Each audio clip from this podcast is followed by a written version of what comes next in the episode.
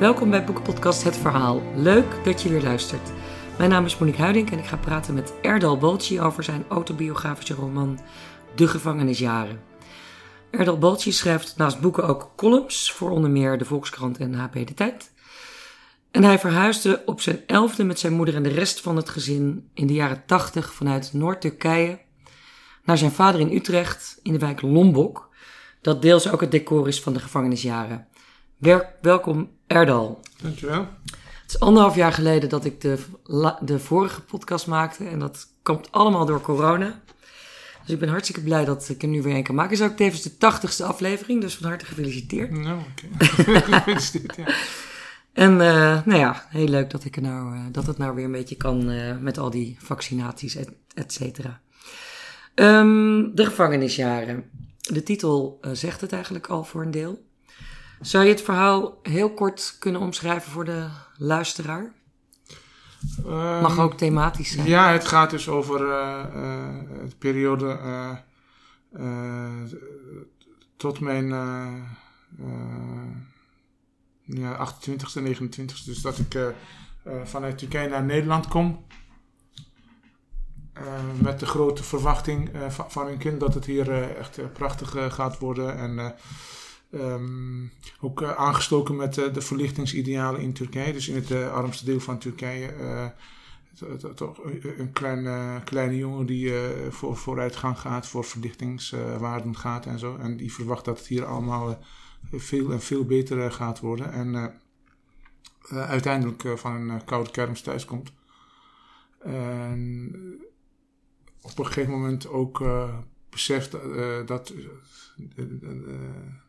dat dat begeerde Nederland een soort gevangenis uh, is ja. voor, voor uh, migranten als ik. En eindigt, het eindigt dus uh, met de, de, de, vlucht uit de gevangenis. De ontsnapping. Naar Turkije? Ja. ja. De cirkel is dan rond ja, eigenlijk. Ja. Maar het is een hele rare cirkel uiteindelijk. Het is een vreemd proces dat je helemaal niet verwacht. Ja, het is, ja het, je, je, verwacht het niet. Het is een vreemd proces, maar uh, het past wel in, uh, uh, in de tijdgeest, in het, uh, in het hele uh, tijdperk van, van het postmodernisme. Dus um, dat de, de wereld een weg is ingeslagen.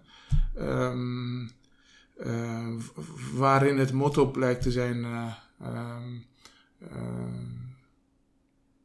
geen ja, volksverheffing, geen idealisme meer. we moeten op de een of andere manier uh, zo snel mogelijk mengen. Um, zonder uh, dat daar uh, maatstaven voor zijn. Dus ik heb dat dus aan den lijve ondervonden en ik vond het heel belangrijk om, om daar een boek over te schrijven. Dus wat, wat, eigenlijk dat hele gedachtegoed van het postmodernisme, het cultuurrelativisme, met één individu, goedwillend individu kan doen. Ik denk, ik denk dat dat een betere samenvatting is uh, van het boek. Dus uh, dat individu is uh, bijna kapot gegaan. Ja. Aan, dat, aan dat gedachtegoed. Het is echt vertrapt door de ideologie. Want er zit ontzettend veel pijn en verdriet in het boek. Ik wil de luisteraar niet ontmoedigen, ja. want het is een prachtig boek. Ik vind het ook echt super mooi geschreven. Dank je. Heel poëtisch en ja, echt heel. Ik vond het ook heel erg aangrijpend. Er zit, nou, wat ik zeg, ook echt veel pijn in het boek. Hoe zou je die pijn geconcentreerd kunnen omschrijven? Of is die daar te groot voor? Nou, uh, het is een. Uh, het is een. Er is veel pijn, veel verdriet, veel ellende. Ja, kijk, in een gevangenis heb je ook dat soort ellende. Dus dat hoort er misschien een beetje bij. Maar het is ook een eindeloze zoektocht naar uh, naar, uh, betere tijden, naar, naar een oplossing. En uiteindelijk naar de, de, de ontsnapping. Dus ik heb, ook, ik heb me ook uh, tijdens het schrijven zeer sterk laten inspireren door, door de film Shawshank Redemption. Um, waarin, ook, de, waarin de gevangene zich een weg naar buiten graaft. Ja, en achter die, die heeft dan ook van... achter een poster. en in, in mijn kamertje aan de J.P. Koenstraat hangt om de tien jaar ook een poster. ehm, Waar jouw denkbeeldige denkbeeldige tunnel. Ja, ja, maar ook de ideale vrouw. Dus die ideale vrouw ook, veranderen ook langzaam van, uh, uh, van een pop popster uh, in het Westen naar een filmactrice in Turkije. Misschien een, een, kleine hint te geven van waar, waar, die ontsnapping naartoe gaat. Weet je. Dat, dat soort ja. dingen zitten er ook in. Maar ja, de, de, de pijn, het is mij overkomen. Het is ons gezin overkomen. Um, Laten we even schetsen. Ja. Uh, het verhaal begint uh, van jouw leven in, uh, in, een, in een klein plaatsje Ar Ardahan. Ja. Ardahan. Ja. Ik weet niet of ik het goed uitspreek. Ja, In, in Noord-Turkije, in een berglandschap. Caucasus is dat, hè, geloof ik. En je woont daar met je moeder en, want je vader is gastarbeider en die werkt in de metaal hier in Nederland. Met je moeder en je zusjes en je broertje. Ja. En um, ja, het is eigenlijk een soort van plattelandsleven, maar in feite is het eigenlijk best uh, modern. Tenminste, de, hè, de, de schoning die je krijgt, is, je zou verwachten dat het zwaar islamitisch is, maar dat is nee. helemaal niet zo. Nee, helemaal niet. Nee, nee. En het is eigenlijk best wel uh, ja, een open stadje. Nou, het is een stadje uh, dat ook bezig was met, met de zoektocht naar, naar vooruitgang. Hè? Maar eerder in financieel op, opzicht. Ja, het is gewoon wel, wel heel arm. En nog ja. steeds het armste gedeelte van, van Turkije. Maar um, ja, ik, ik kon daar uh, deelnemen aan discussies over, uh, uh, over het socialisme, wat links is, wat rechts is. Op je tiende? Ja, op mijn tiende, op mijn negende en zo. En ik liep, ik liep mee op demonstraties en zo. Het was echt een heel ja, open maatschappij eigenlijk. En die, die, die, die, mooie zoektocht, de, de, de leergierige jongeren en zo. En ja, wat ik net ook zei, de, de, onze verwachting was dat we, gaan naar Nederland en het wordt allemaal veel beter. En uh, een jaar nadat wij in Nederland waren, ging ik naar de Koranschool. Dus ja. daar, daar is het op uitgelopen. Je, je, je, je, werd teruggeslingerd naar de jaren 50. Ja, en heel snel ook. Ja. Heel snel, want ik had, voordat ik het wist, zat ik dus op de Koranschool. Ja, maar het komt ook een beetje door je vader. Want er, helemaal in het begin van het boek schrijf je, beschrijf je dat je vader kwam dan terug naar, naar zijn gezin, natuurlijk in Turkije, waarschijnlijk in de vakanties. Ja. En dan beschreef je vader dit, uh, dit Nederland als iets heel prachtigs, waar zelfs de fabrieksdirecteur hem aansprak met zijn achternaam, Ja, alsof ja. hij de gouverneur was. Ja, ja, ja. ja. Dus dan hebben jullie als kind natuurlijk ook gedacht. Ja, oh, ook door, door hem, maar ook, we hadden ook televisie natuurlijk. En uh, we keken uh, westerse series. Uh, uh, ik denk dat toen Dallas, was hij nog bezig? Ik denk het Ja, niet, denk maar het ook. wel um, uh, de Little House. De Little House. Wilde. op de- Oh, ja, dat ja. Little House op Ja, de prairie, dat is natuurlijk geen wel, wilde. Nee, maar het zijn gewoon leuke, uh, uh, leuke beelden, leuke verhalen en zo. En het nieuws volgden wij weliswaar met twee dagen verdrag, vertraging en zo. Dus het Westen kenden we enig, enigszins. wel. Ik, ik kende zelfs uh, Arie Haan en zo. Dus dat, dat had ik op tv gezien, dat hij van op afstand Je schot. kon uh, ontzettend ver ah, schoppen. ja, ja, ja. Dus En dat- raak. ja, ja, dus we waren allemaal voor Nederland, want onze vader werkte daar en zo. Dus uh, de, de, de, de verwachtingen waren hoog gespannen. Maar wat ik uh, zeg, uh, een jaar later zat ik op de Koranschool. Ja. De, de, de Koran, het was echt, in Ardahan zelf was dat ondenkbaar dat ik naar de Koranschool zou gaan. Want dat is een heel Ja. interessante overgang. Ja. Je komt dus naar, naar Utrecht in Lombok. Dat is een wijk uh, vlakbij het station hier. uh, ik heb er zelf ook nog gewoond. Ik heb in dezelfde straat gewoond, zelfs in die Epekoenstraat, waar dit uh, zich voor een groot deel afspeelt. Schuin tegenover jou. Ja, dat is leuk is dat. Ja. En één jaar als student. Maar um, de, dat contrast is enorm. Want je verwacht dus van, oh, nu gaan we naar de, de, de verlichte Europa. Ja. En uh, weet je wel, uh, nou, we krijgen allerlei uh, de zegeningen van, de, van het. Vrije Westen. Maar je komt in een, dan opeens in een soort van gemeenschap terecht, ook een Turkse gemeenschap, die, die veel en veel conservatiever is dan wat jullie gewend zijn in, Ja. in Turkije. Ja. Nou kijk, de, de gemeenschap hier was wel verlicht, maar niet voor ons. Oh, Dus ja, Ne- Nederland is natuurlijk een ver- verlicht land. Ik als je even naar de binnenstad liep, dan uh, zag je wel dat het heel, heel uh, modern was en vrij was. Maar dat gold dus niet voor ons. En de, eerste jaren heb ik uh, de, hoop gekoesterd dat, dat met de hulp van, van, de Nederlandse omgeving, van de Nederlanders, dat, dat ons zou lukken. Niet alleen mij, maar vooral ook voor, voor mijn zus om eruit te stappen. Um, maar uh, het tegenovergestelde bleek uh, waar. Uh, Hoe kan dat? Ja, het, we zaten dus in een gevangenis.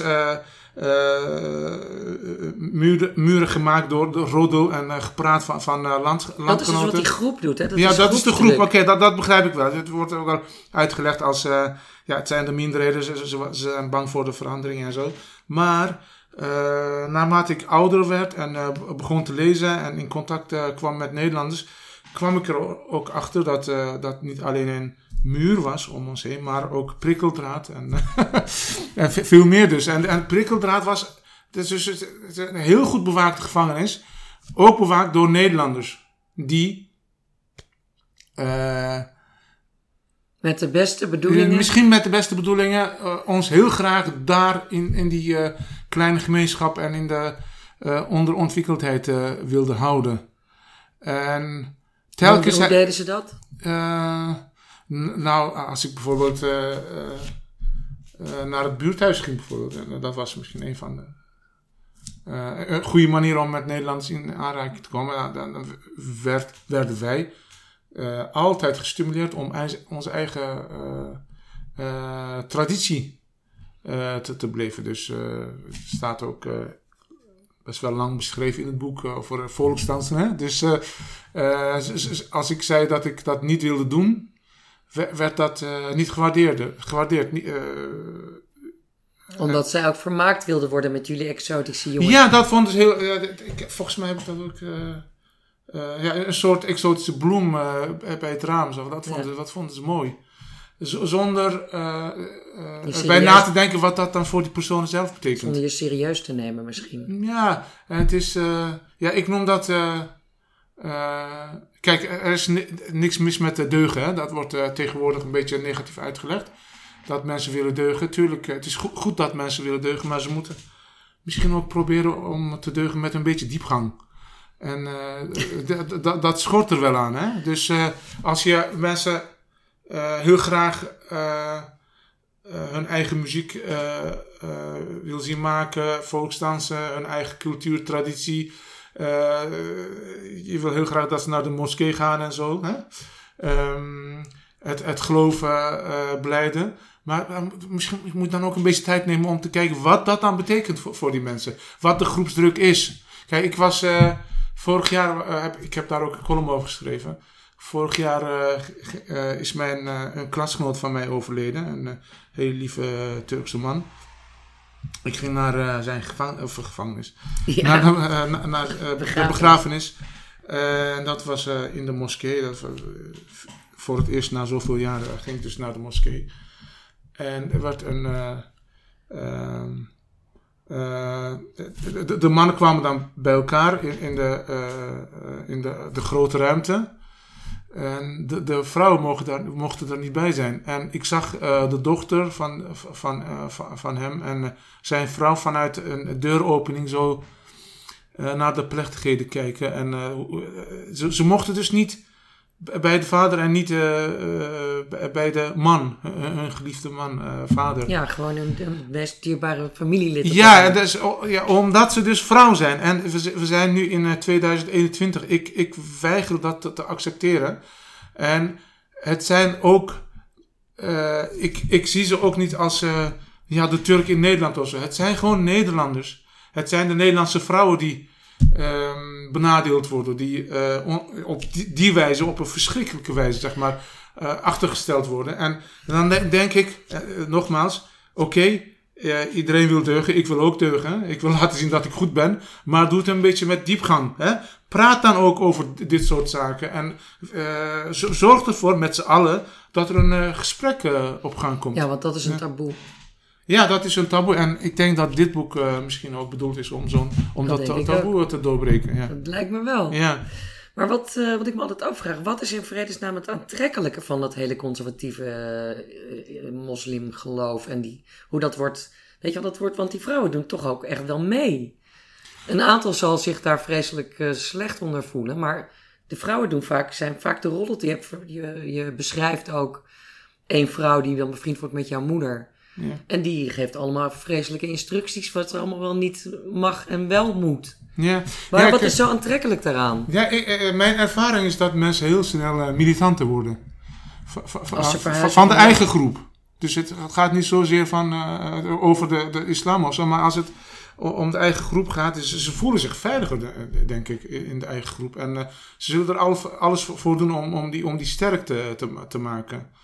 En, uh, maar er ja. zitten enorme elementen van onderdrukking in, in, dit groeps, in deze groepscultuur die jij beschrijft. Ja, maar ik denk dat het gevoel van veiligheid st sterker weegt hm. dan, dan, dan onderdrukking. En ik, ik weet ook wel zeker dat de dochter van, van die overleden vriend van mij, of de, de vrouw van, van die overleden vriend van mij, dat uh, misschien helemaal niet zo erg vonden. Nee, precies, maar waarom niet? Ja, dat. Uh, ja, kijk. Um, ja, dan komen. Kijk, niet iedereen is. Uh, dan komen we toch bij de, de, de, hele ideaal van verlichting en zo, hè? Dus. Misschien ik, heb dat, ik heb daar kennis mee gemaakt. Dankzij dankzij Ardahan. Dus die, die hele politieke uh, ontwikkeling. Dat dorp. het dorpje. En uh, het feit dat uh, Turkije door het toedoen van Atatürk in, in, dat hele grote lange proces heeft gezeten van vooruitgang en modernisering en verlichting. Dus, en gelijkheid van man en vrouw. Ja, Atatürk dus, was in feite een enorme revolutionair. Wat ja, hij was een enorm revolutionair wat dat betreft. Dus ik heb dat ik heb daar kennis mee kunnen maken. En heel veel mensen doen daar niks, mee, niks mis mee. Eh, niks mee, sorry. Maar uh, mijn uitgangspunt is wel dat, dat je die mensen wel die kans moet geven om, uh, om daar kennis mee te maken. Dus, ja, nee, dus, natuurlijk. maar die, die mensen, die vrouw die jij nou beschrijft, hè, die twee die achter een deurtje naar een ja. overleden vader en ja. een echtgenoot moeten kijken. Waarom, wat is er voor hen in vredesnaam aantrekkelijk aan? Of zijn ze zo bang, maar dat geloof ik ook niet. Ze zijn toch niet allemaal super bang dat. Nee, maar het is, de, het is, de, de, de groepsdynamiek. Uh, uh, ja, maar kennelijk is dat dus. Maar die, groep. Ja, ja, groep, het is, de groep is. Kijk, de, de hele geschiedenis van Europa is toch ook. Uh, hoe je omgaat met, met die enorme, die, die grote, krachtige groep. En Europa is in mijn ogen zo bijzonder, omdat er een hele mooie balans is gevonden tussen uh, groep en individu. En ik zeg ook altijd, uh, de, de Europeaan in mijn ogen is iemand die, um, die, die, die, die, zich niet laat onderdrukken door de groep. Maar zich ook niet zodanig verliest in eigen belang dat hij de groep schaadt. Hè? Dat is een soort wonderbaarlijke evenwicht is dat. Ja. dat is in Euro Europa uitgevonden. En dat is volgens mij in mijn ogen ook de Europeaan, iemand die, die dat kan. En dat is voor jou een ideaal. Dat is voor mij een ideale mensbeeld. En dan heb ik het niet over de geografie, hè? Dus, want je hebt Europeanen overal in de wereld. Dus in ja, hadden wij ook Europeanen. En in Japan, in Zuid-Korea uh, uh, tegenwoordig. Uh, die noem ik allemaal Europeanen. Ja, even voor dus, de duidelijkheid. Ja, ja. maar, maar in Europa zelf hebben we dus ook heel veel niet-Europeanen. Die, die uh, eigenlijk voor de makkelijke weg gaan. Uh, een heleboel geluk opofferen. Want ze gaan wel voor de dynamiek van de groep. Maar dat betekent wel dat ze heel veel moeten inleveren. Hè. Het is gewoon geen pretje om altijd de groep te dienen. Maar ze voelen zich da daarmee sterker en um, veiliger. Het, het, het, drama van Nederland, van West-Europa, is wel dat dat, daar dus geen debat over is. Dat, dat, dat, dat die mensen nog steeds in 2021 niet ondergedompeld worden in verlichtingsidealen, in volksverheffingen. Dus we hebben het gewoon laten gaan. ze moeten het maar zelf ontdekken en ze zullen het zelf niet ontdekken.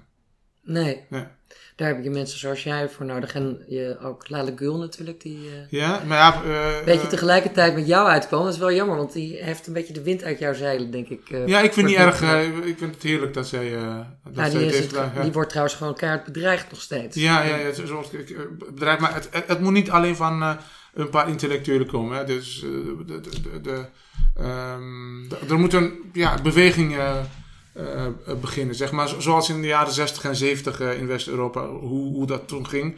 het hele idealisme, dus de, om de grote massa's ook deel te laten maken van, van, van democratie. Maar dat had voor een belangrijk, zo niet totaal te maken met het loslaten van het geloof en bevrijden van de strenge regels van ook die uh, gemeenschappen. Maar het zal, het zal niet snel gebeuren, maar ik, ik, ik mis dat uh, idealisme in, in West-Europa. Dus mensen krijgen niet eens de mogelijkheid om, om daarover na te denken. Het is gewoon, het is zoals het is, denkt men. Het is gewoon ja, een beetje ieder voor zich, iedere gemeenschap voor zich. Ehm, nou ja, je beschrijft ook dat bijvoorbeeld die, die, uh, die moskeeën en weet je, al die geloofsachtige onderwijsinstellingen, die worden ook, die worden, of werden in ieder geval ook gefinancierd door de Nederlandse overheid. Bijvoorbeeld. Ja, dat heb ik dus uh, tijdens het schrijven van het boek ontdekt. Ja. Dat, dat, uh, dus toen dus ik naar de Koranschool ging, als twaalfjarige jongen, ja, had ik natuurlijk geen idee, maar vele jaren later heb ik dus ontdekt dat, uh, dat het allemaal gestimuleerd uh, was door, door de Nederlandse overheid en gefinancierd. Ja.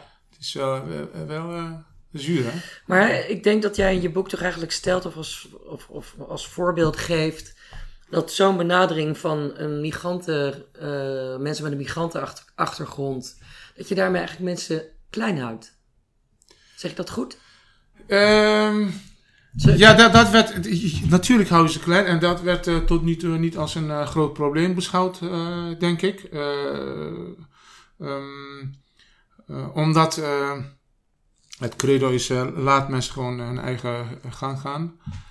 Maar um, met de, de, de groei van die minderheden en de komst van, van nog meer migranten...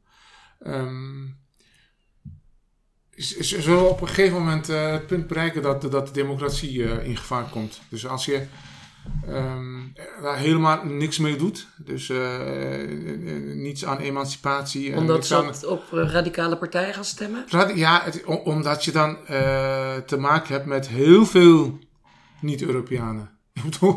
een beetje niet-Europeanen kun je wel erbij hebben. Ja, erbij hebben om een gezonde democratie te houden. Maar als uh, op een gegeven moment uh, de, helft van de samenleving niet meer in democratie gelooft en geen individu is. Alleen maar voor de eigen groep gaat. Een soort uh, manier van denken heeft. de, de, de, stam, de eigen stam hoog houdt. Ja, het lijkt me dat dat, dat snel gedaan is met democratie. Dus, ja, ik noem het ook de, de, de, langzame Libanonisering van, van Europa, van West-Europa. Ja, ik zie, het, ik zie het echt gebeuren. Het is... mensen zien daar geen probleem in. Zo, zoals uh, het ontstaan van, van zo'n uh, bijeen bijvoorbeeld. Hoe um, bijeen en vergelijkbare partijen denken en zo. Dat soort partijen de actualiteit toch wel domineren. Um, ja, ik zie het echt gebeuren dat, dat op een gegeven moment... ik, ik fantaseer daar ook wel over hoor. Zo gewoon een beetje naar de toekomst kijken dat over twintig jaar uh, bijvoorbeeld, uh, zoals in Libanon ook in de grondwet staat, uh, dat in de Nederlandse grondwet staat dat de buitenlandse, minister van Buitenlandse Zaken een, een, een zwarte, iemand uit de zwarte gemeenschap moet zijn. En minister van Binnenlandse Zaken een moslim is. Dat is, zo, wordt politiek bedreven in het Midden-Oosten, in, Libanon en zo. En als we op deze wijze ver, doorgaan in, in Europa. Uh, en alleen maar dat sectarische blijven stimuleren onder het mom van identiteitspolitiek. Identiteiten zijn belangrijk, ze zijn mooi en dit en dat. Talloze identiteit hebben mensen zijn daar trots op en zo. Ja. En op een gegeven moment heeft dat gevolgen voor de politiek voor, voor de hele uh, maatschappij. En dan uh, gaan we echt discussiëren over. Ja, 20% is katholiek en waar blijft het aandeel in, in, de, in de regering? En, ja. ja de, de, de, de premier moet, moet een katholiek zijn. Ja, dat kan echt zo, allemaal gebeuren. Ja. Zo is het al een beetje, of zo is het altijd wel een beetje geweest. Hè? Want we hebben nu bijvoorbeeld de burgemeester moet dan lid zijn van die of die partij. Ja. En dan in een andere grote stad dan mag het weer niet van die partij zijn. Dus op zich zijn dat wel manieren Nou, partij vind ik nog een beetje door de burger kunnen. Maar als je het echt over de identiteit gaat hebben. Nee, dus, maar dat is uh, huidskleur en uh, dat is nu hip, geloof. Ja, dat ja. is nu heel hip. Heel hip, ja. Dat gaat op een gegeven moment weer weg. Denk je? Ja. Nou, ik weet Absoluut, niet, want het is, er zit een heel groot element van racisme in namelijk.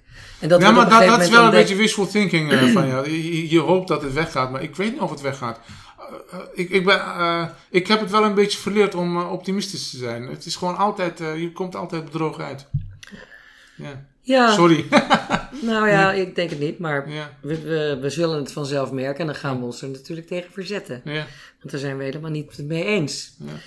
Ehm, maar goed, het drijft wel een beetje weer verder af van het, waar, het- waar het in het boek eigenlijk vooral om gaat.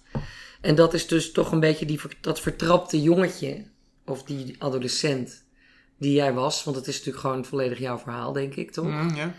Ehm, en die zich eigenlijk eh, probeert ja, op te richten, op te verheffen, zoals je het zelf zegt, eh, binnen die Nederlandse samenleving. En daar heeft hij op een gegeven moment een, te maken met een vrouw die heet Floor. ja. En die geeft ehm, Nederlandse les, denk ik, hè? Taalles in de ja, Biep. Ja. En dat is een belangrijk iemand eh, in het boek voor jou als een soort van spiegel. Ja, ja. Een, een streng iemand.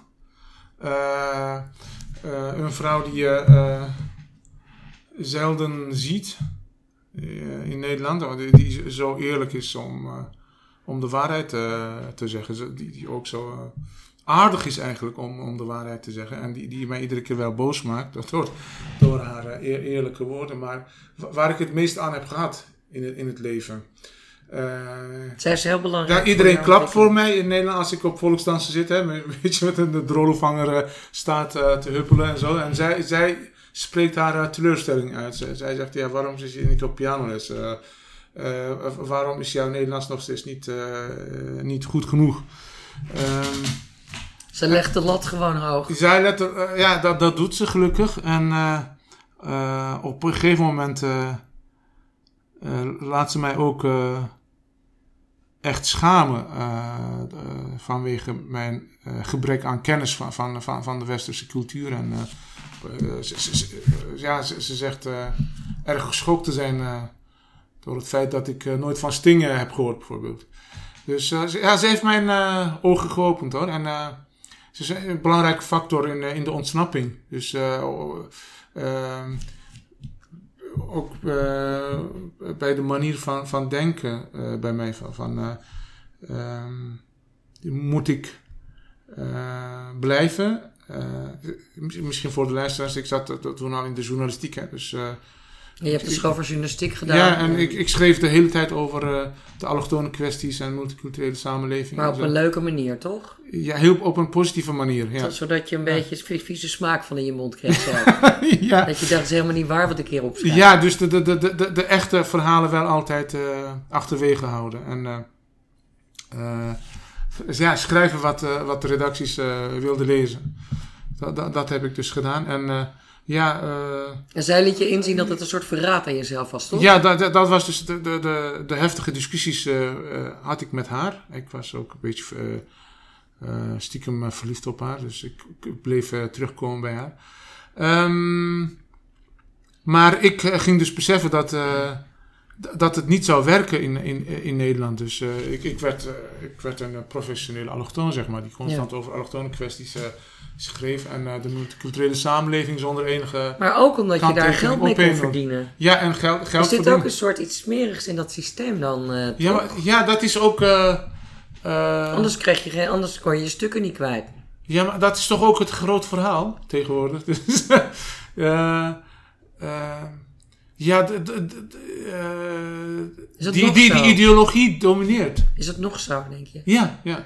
ja. Moet nog steeds Kijk, ik, ik, moet echt, ik heb echt heel erg mijn best eh, moeten doen om mij als schrijver te vestigen in dit land. Eh, wa- waar anderen, ja, waar andere schrijvers met een migratieachtergrond met één boek doorbreken, heb ik echt ja, twintig jaar of zo. eh, ehm, Omdat, je, omdat je niet wil volksdans. ja, omdat ik dus niet over het, niet die, hele. eh, misschien omdat ik eh, te, te eerlijk ben, ik weet het niet, maar eh, ja, zo, zo is het wel gaan aan. eh, ehm, Nou ja, je idealiseert je, je achtergrond wat dat betreft en je, en je ge- geschiedenis niet. nee, en dat wil misschien de lezer en de jury toch wel, toch wel eh, zien. Je zegt steeds, eh, dat las ik ook in interviews eh, met jou, dat het om die eerlijkheid gaat. Hè? Ja. Ehm, en Floor is wat, wat dat betreft in het boek de, de enige die jij ervaart als eerlijk. Maar in feite is ze ontzettend kritisch. Ja, maar kritisch is toch goed? Ja, ze, Ja. ze is goed. Kijk, Maar het gaat er niet maar- alleen om haar eerlijkheid, maar ook om de eerlijkheid van de schrijver zelf. Dus eh, hoe heeft hij zichzelf dan ontwikkeld? Kijk, het was een uitdaging voor mij. Oké, ik ben eh, eh, Nederland ontvlucht. Ik ben naar Turkije gegaan, naar de schoot van mijn vrienden daar. Die, die, Even, even voor de Ja. luisteraar, anders dan is het echt een grote sprong. Ja. Het boek begint met dat je uit Turkije, we hebben het al in het begin ook al gezegd, maar uit Turkije komt naar Nederland en daar ga je je dan ontwikkelen. En als je 28, dat is een beetje het einde van het boek, Ja. dus op je Dan- dan ga 28 ik ga, je weg. terug naar Turkije. Ja, dus daar stopt vindt plaats, ja. En, en eh, dit boek schrijf ik dan als ik weer eh, na zoveel jaar weer terug ben in Ja. Nederland door eh, persoonlijke omstandigheden en zo. En dan wa- was de grote vraag, ja, hoe eerlijk ben je dan zelf? Kijk, je hebt die ontsnapping gedaan, je hebt in Turkije aan jezelf eh, gewerkt. Ik, eh, ik heb mij in Turkije gelukkig tot een eh, intellectueel kunnen ontwikkelen. Ehm, en dan heb ik Waarom waren die omstandigheden in Turkije dan wel goed? Voor jou? Ja, omdat Turkije, de, de, de Turken bekend zijn met, met de strijd tegen, ehm, tegen fundamentalisme, tegen het geloof, tegen eh, het orthodoxe geloof. Dat is daar nog steeds veel actueler, hè? Ja, maar het is eh, voor, iemand die zoekt, die eh, ehm, schrijft en onderzoekt en zo, is het veel beter om onderdeel deel te zijn van eh, die duizend jaar oude strijd daar. Dus het is, het is niet alleen vanaf Atatürk, maar de Turken die leveren al duizend jaar strijd tegen, tegen ja, eh, Arabisering, zo kun je het ook eh, stellen. Dus tegen, eh, tegen de druk van, van de islam. Het is een heel complexe, een heel complexe geschiedenis, heel complex is dat. Maar als je daar eenmaal onderdeel van wordt, Zit het in je wortels? ja, het is, het is, het is dan ook een veel betere manier van de, de intellectuele ontwikkeling, denk. Ja, Turkije ligt geografisch ook precies tussen Europa en Azië. Ja, In Istanbul heb je precies de scheiding. eh. ja het, het zou, het zou- je zou daar een prachtige film of een documentaire over kunnen maken, over die duizendjarige Maar je bedoelt dat dat zit verinnerlijkt in de Turk. Ja, ja bij, bij de seculiere Turk, hè? ja, bij de secu- seculiere ja. En daarom voelde je daar... ja dat, dat was eh, de, de plek om, om daar te zijn, onder de geestverwanten. Ja, Omdat ik keer eh, constant werd teruggeworpen. En eh, va- van de verlichte jongen die naar Nederland kwam, ben ik in een paar jaar veranderd van- naar een jongen die naar de Koranschool ging. Die, die wel dingen door had, maar wel gewoon mee moest doen. En eh, een jongen die, die, die zijn zusjes onderdrukte. Ik, ik, ik maakte ruzie Ja. met mijn zus. ik, ik zorgde ervoor dat ze niet op schoolkamp gingen. En zo. ja Dus- echt en zo'n vervelend, ik vervelend rot, zo'n paternalistisch rotjong. ja, maar je, je, je- ja, zo, zo word je dan. Ja. Ja. Eh, ja, Spinoza zegt ook toch eh, dat de vrije wil niet bestaat. Dus eh, ik, ik heb wel aan den lijve ondervonden dat de, de, de vrije Ja. wil niet bestaat. Maar, ja, ik ging zelf als 15-jarig jongen naar de hoeren met mijn Ja, maatjes. precies. Maar en, je... en mijn zus mocht niet naar. eh, Een vriendje.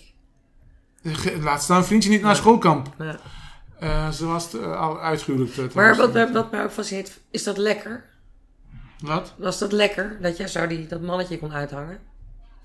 Ehm, Gaf dat je Voor heel veel mensen wel, denk ik, maar eh, ik heb daar eh, toch een sterk, eh, te, te sterk geweten voor.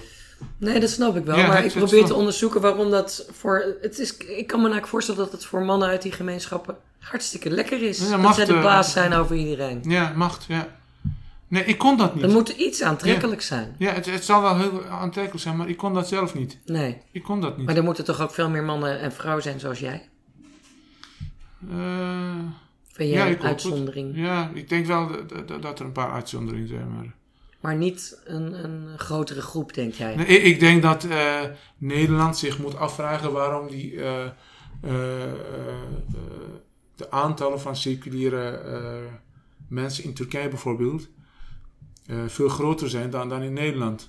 Ja, maar wat je wel bijvoorbeeld ziet, dat heb je Ja, dat is omdat, omdat die, mensen in. Turkije, nee, de, mensen in Turkije, de seculieren, die eh, krijgen de kans om kennis te maken met, met die ideeën. En ik vind dat eh, Nederland echt, eh, wat dat betreft, echt het schandalig slecht doet. Maar zou er zeg maar, laat ik even... een, Ik zal je een- voorbeeld geven. Ja. Ik, heb, ik heb naar de Olympische Spelen probeer, heb ik pro- geprobeerd een beetje te volgen. Ehm, Nederland doet het echt, eh, echt schitterend, hè? zo Ja, super de goed. meeste medailles ooit. meeste medailles ooit. En wat is het aandeel van eh, islamitische meisjes in, in dat hele team? Geboren en getogen in Nederland. Dat is nul. Ja, nul ja. Nul. Dus, uh, die, die, Sivan Hassan is gewoon op haar komt uit 15, Ethiopië, 16 uh, ja. gekomen. Dus ze is niet, eh, eigenlijk niet door eh, Nederland. Nee, maar die kinderen mogen toch ook niet sporten? Nee, maar dan kom ik eh, bij landen als Turkije, eh, Tu- Tunesië, Egypte, Marokko. Die, die hebben wel, eh, Ethiopië, Kenia en zo. Die hebben wel die vrouwelijke sporters. Ja. Turkije heeft zelfs een volleybalteam, Europees kampioen, meisjes. Ook al hebben ze daar ook, krijgen ze, heel moeilijk door, door in zo'n Erdogan-tijdperk. Ja. Maar, maar ze zijn er wel. En het is niet toevallig dat ze er zijn. Die circuliere vrouwen in Turkije, die gaan van berg naar berg, van dorp naar dorp, om eh, Die meisjes op te halen. op te halen, talenten, strijden. En, en, en de meisjes hier zijn aan hun lot overgelaten. Het is dus in 2021 aantal islamitische meisjes in zo'n team is 0,000000. Maar wat, zou, wat zouden dan Nederlanders moeten doen? Hoe kunnen die binnendringen in zo'n gemeenschap? niet, niet meer pikken. Ik, ik wil terug naar, eh, naar het idealisme van eh, de jaren 60 en 70. En we- weet je waarom ze het eh, nu, waarom ze het nu, nu koud laat? Ik denk omdat ze die- meisjes, die jongens, eh, de hele islamitische gemeenschap eh, niet als een van hen zien. Het, is, het zijn Nou, maar die gemeenschap die, die sluit zich ook wel toch af. Het is toch ook niet zo dat die nou zo enorm open is? Ik weet het niet. Ja, Je mag toch als Turks jongetje, notabene gewoon in Nederland geboren, ook maar heel moeilijk als je met een Nederlands meisje thuis komt of met een Marokkaans meisje. Nee, maar het, is, het, het sluit zich wel af, maar je, je kan toch wel een eerlijk debat voeren. Hè? Het, het is. eh, eh, Nou, misschien moet er zo'n algemene floor op staan en dan iemand met nee, maar algemeen verloren, maar ook bijvoorbeeld, ik, ik, ik schrijf al eh, een jaar of eh, zes eh, columns voor de Volkskrant. Ik eh, schrijf boeken en zo. En eh, iedereen die aan eh, de identiteitspolitiek doet, hè, die, die wordt eh, uitgenodigd voor debatten, voor adviesraden, dit en dat. En ik ben nog nooit voor iets gevraagd. Nee, het gekke vind ik ook. Het gaat daar niet alleen om mij, maar... Het lijkt net alsof, ik las ook dat jij dan in de rechtse hoek wordt geduwd. Alsof Ja. jij een fascist bent of zo. Ja, het is gewoon... Wat een onzin. kijk, kijk, die mensen die, die, die mij misschien re- rechts noemen, die, die kunnen wa- wat links zijn niet tippen aan mij. Denk het ook niet. Ja, die- ze hebben niet eh 10% van de strijd geleverd die ik eh, voor mijn familie, voor eh, mijn mensen heb geleverd. Dus... Maar het is dus nog steeds iets, weet je wel, waar, waar kijk, mensen vinden dat dan ongezellig, denk ik, of zoiets, decadents. Ja, Dat ze denken, ja, maar dan komt hij weer met, eh, we moeten die mensen verheffen, maar dat willen die mensen helemaal niet. Weet je wel, dat is ook maar lekker makkelijk natuurlijk. ja, maar eh, die, die, eh, misschien willen de meesten niet, maar wel een paar. En daar moet je het van hebben. Maar hoe, kijk, ik denk dan altijd, Maar ze kunnen tenminste luisteren naar ons. dat moet op Ja. school gebeuren, denk ik. Ja, dat moet op school gebeuren. Ze, ze, worden- ze moeten echt, vooral de kinderen moeten, die, die verlichtingsidealen, laat ze tenminste kennis maken met, met hoe Europa is geworden wat het nu is. Uitleggen.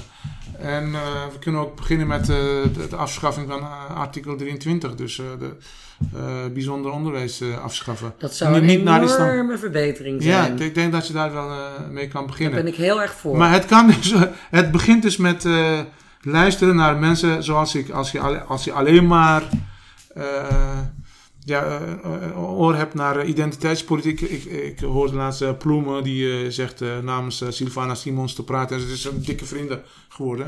Ploemen zal mij nooit voor iets uitnodigen, denk ik. Waarom denk je dat? Ja, ze, ze hebben het gewoon voor, die, die route gekozen van identiteitspolitiek en ja, een soort sectarisme. Dat, dat, dat vinden ze een, een manier van emancipatie, denk ik. Ze vergissen zich, zich wel, maar Ja. ja, ze, ze hebben voor, voor, voor, voor, voor die weg gekozen. En eh, wat zou jij er tegenover stellen? Eh, Wat is de ongemakkelijke boodschap die jij hebt? ja, maar de, eh, ongemakkelijke boodschap die, die ik heb is eerlijke emancipatie. En, en leg Ja. eens uit. Ja, gewoon vrijheid voor, voor iedereen. Vrijheid van, van denken, vrijheid van... Maar dat kun je toch niet opleggen? Dat moet iemand toch zelf ook willen? Ja, maar en als je de kinderen op school eh, daar niet eh, kennis eh, mee laat maken. Hoe, hoe is het in andere landen wel gebeurd dan? Hoe, hoe zo- zo'n klein stadje als Ardaan zo, zo links geworden destijds? Is dat nog zo trouwens? Ik denk, ze, ze stemmen nog steeds seculier, ja. Want op zich is het wel, spreek je wel over de jaren 70 en 80. Ja, En natuurlijk die hele opkomst van Erdogan. ja. Dat is allemaal, nou ja, tien jaar bezig. 20 jaar. Of twintig jaar Ja. al. Maar hè, dan zie je toch eh, dat ook in Turkije dat, dat weer dat conservatieve geloof eh, weer, weer een flinke opmars heeft Ja, dat denk je, maar de, de, de werkelijkheid is anders. Oké. Dus hij, heeft een, hij heeft wel een hele trouwe achterban. Maar de seculieren die, die, die verzetten zich ook heel goed. En als we het over Ardaan blijven hebben, die hebben nog steeds eh, een seculiere burgemeester en zo. Dus eh, ze, ze hebben kennis gemaakt met die, eh, met die vrijheden. En ze laten dat niet zo snel afpakken. Nee. Ja. Ja, dat, dat is ook heel belangrijk. Ja. Want Maar het is toch heel bizar dat zo'n klein stadje als Ardaan eh, de kinderen wel die ideale kennis kan laten maken met die idealen. Maar, maar in hartje Nederland kan dat niet. Nee. Dan gaan ze naar islamitische scholen en zo. En bijeenkomsten worden gehouden waar eh, eh, meisjes en jongens eh, apart gaan zitten. En eh, ja, dat de is partij raar. GroenLinks komt. Ik zat gewoon op de lagere school en op de middelbare school met Turkse, ja, met kinderen van Turkse ouders eh, in de klas. ja, Gewoon op openbare en christelijke scholen bijvoorbeeld. ja. ja, nu, nu gaan ze naar de islamitische 80. scholen. En ik heb ook begrepen dat eh, echt eh, bijna alle kinderen, islamitische scho- eh, alle islamitische kinderen naar de Koran onderwijs gaan. Maar- Vroeger was dat niet zo. Nee, precies. Maar Ja. daar, daar krijgen ze toch ook een enorme dosis anti-westerse propaganda voor de kiezer. Ja, zeg dat wel. Ja. Maar hoe krijgen we dit er in vredesnaam uit? Want je kunt ook niet zeggen... Moeten we dan zeggen die Koranscholen moeten verboden worden? Ehm, Iedereen openbaar onderwijs zou een zegen zijn voor alle kinderen. Eh, sorry, nog een keer. Iedereen openbaar onderwijs. Ja, ja, ja. Dat, ja En, en dan wel, dan zou ik dus heel erg voorstellen om een cu- curriculum, gewoon vakken, eh, maatschappijleer. En dan alle godsdiensten behandelen. Ja. En alle bijbehorende culturen behandelen. Want dat is een hele enorme rijkdom ook als je dat weet. Maar niet meer dat specifieke, eh, ja, bijzondere scholen inderdaad afschaffen. Maar daar heb je een grondwetswijziging voor nodig. ja, maar dat moet dan maar gebeuren. En dat is nogal Ja. een gedoe. Ja, maar dat moet maar gebeuren. Het zijn, kijk, eh, heel vaak hoor je, ja, maar eh, de, katholieke scholen, protestantse scholen, daar is niks mis mee en zo. eh, wordt dan gezegd. Nou, daar is ook best veel mis mee. Ja, dat geloof ik ook wel. Maar het zijn ook nieuwe tijden. Die vragen om nieuwe oplossingen. En ik denk echt dat, dat artikel 23 op de schop moet. Ja. Ja. Oké, we zijn alweer bijna... eh, oh, het snel Ja, dat zei ik toch? Dat Ja. gaat altijd heel snel. Maar we hebben nog wel eventjes hoor. Ehm, ik ga even één citaat eh, voorlezen, want eh, Spinoza is heel belangrijk voor jouw ontwikkeling geweest, een belangrijke filosoof. En dan schrijf je op een gegeven moment, ik las dat, dat je je leven zodanig moet organiseren dat je jezelf in staat stelt om kennis om te zetten in geluk. De vrije wil bestond weliswaar niet, maar het was wel mogelijk om het leven op zo'n manier te organiseren dat je de juiste mensen op je pad vond. De- de- de- Daar zit natuurlijk een sleutel. Ja, de juiste mensen en de juiste eh, ideeën. De, de, de- Hoe vind je die? verschei- verscheidenheid aan, aan ideeën. Ja, ik heb moeten vluchten uit Nederland. Dat is Ja. het hele bizarre verhaal eh, ervan. Maar eh, de, de juiste ideeën... We hebben het afgelopen half uur eh, erop eh, gehamerd, denk ik. Ehm, laat die mensen, de kinderen... kennis maken met, met de ideeën. Dus zorg ervoor dat, er dan, eh, dat er een eh, diversiteit is aan, eh, aan ideeën. Maar Dat, is mijn, mijn motto, hè? Dus een diversiteit. onderwijs en media. Ja, onderwijs, media en ook verenigingen, toch? Meer de nadruk op misschien op secularisatie van, van de maatschappij. Ja, dat is mijn droom dat dat, dat gebeurt en dat de, de, de seculier, seculiere gemeenschap de, de mouwen opstroopt op, op een gegeven moment en denkt, eh, ja, dit is ook eh, niet, niet alleen die groep die achterblijft, maar het is eh, ons land dat in de toekomst... Maar het moet, om dat te doen slagen, moet je ook dat enthousiasme binnen die gesloten groepen kunnen vinden. Hè, wij kunnen wel met z'n tweeën en met nog een heel team van mensen dus de, de, de, erop uittrekken. Maar ik En denk, zeggen, dat, jongens- ik denk wel dat, dat, dat er veel enthousiasme is hoor. Maar als je. ehm, Maar die groepsdrukken die houdt dat juist tegen. nee, maar kijk, bij GroenLinks is eh, eh, die, die Kautar eh, Ja. als lid van de moslimbroederschap Ja, op verkiesbare, ja, ver- verkiesbare plek gezet. En de, de seculiere vrouw, die, de, de, de Turkse-Nederlandse vrouw, die heel erg opkwam voor gendervrijheid en voor LG, LGBTH plus. plus rechten. En in. Istanbul ging demonstreren, dus met heel veel gevaar en zo. Zij werd dan op een Ja. plek gezet. En ja, en als je dat allemaal meemaakt, wa- wat moet dan die kleine minderheid die, die voor emancipatie gaat en zo, die, die, die- ja, die, die zijn ook niet op hun achterhoofd Die voelen gevallen. zich niet gesteund dan. Nee, dan, dan denken ze, ja, oké, bekijk het maar. Ja, Ja. Maar eh, ik wil het nog even over, heb, eh, over die diversiteit hebben. Mensen moeten niet denken dat ik tegen diversiteit ben. nee, tuurlijk niet. Nee, het, ik dat fantastisch diversiteit. Maar je moet, eh, om die diversiteit eh, eh, te bereiken, moet je ehm, ja, ja, onderontwikkelde, zeg maar, gevaarlijke groeperingen geen vrij brief geven om vrouw, kind en individu te onderdrukken. En dat wordt te veel gedaan tegenwoordig. Er wordt er veel toegestaan, hè? Ja, dat, dat wordt te veel toegestaan. Ja. Of oogluikend. ja.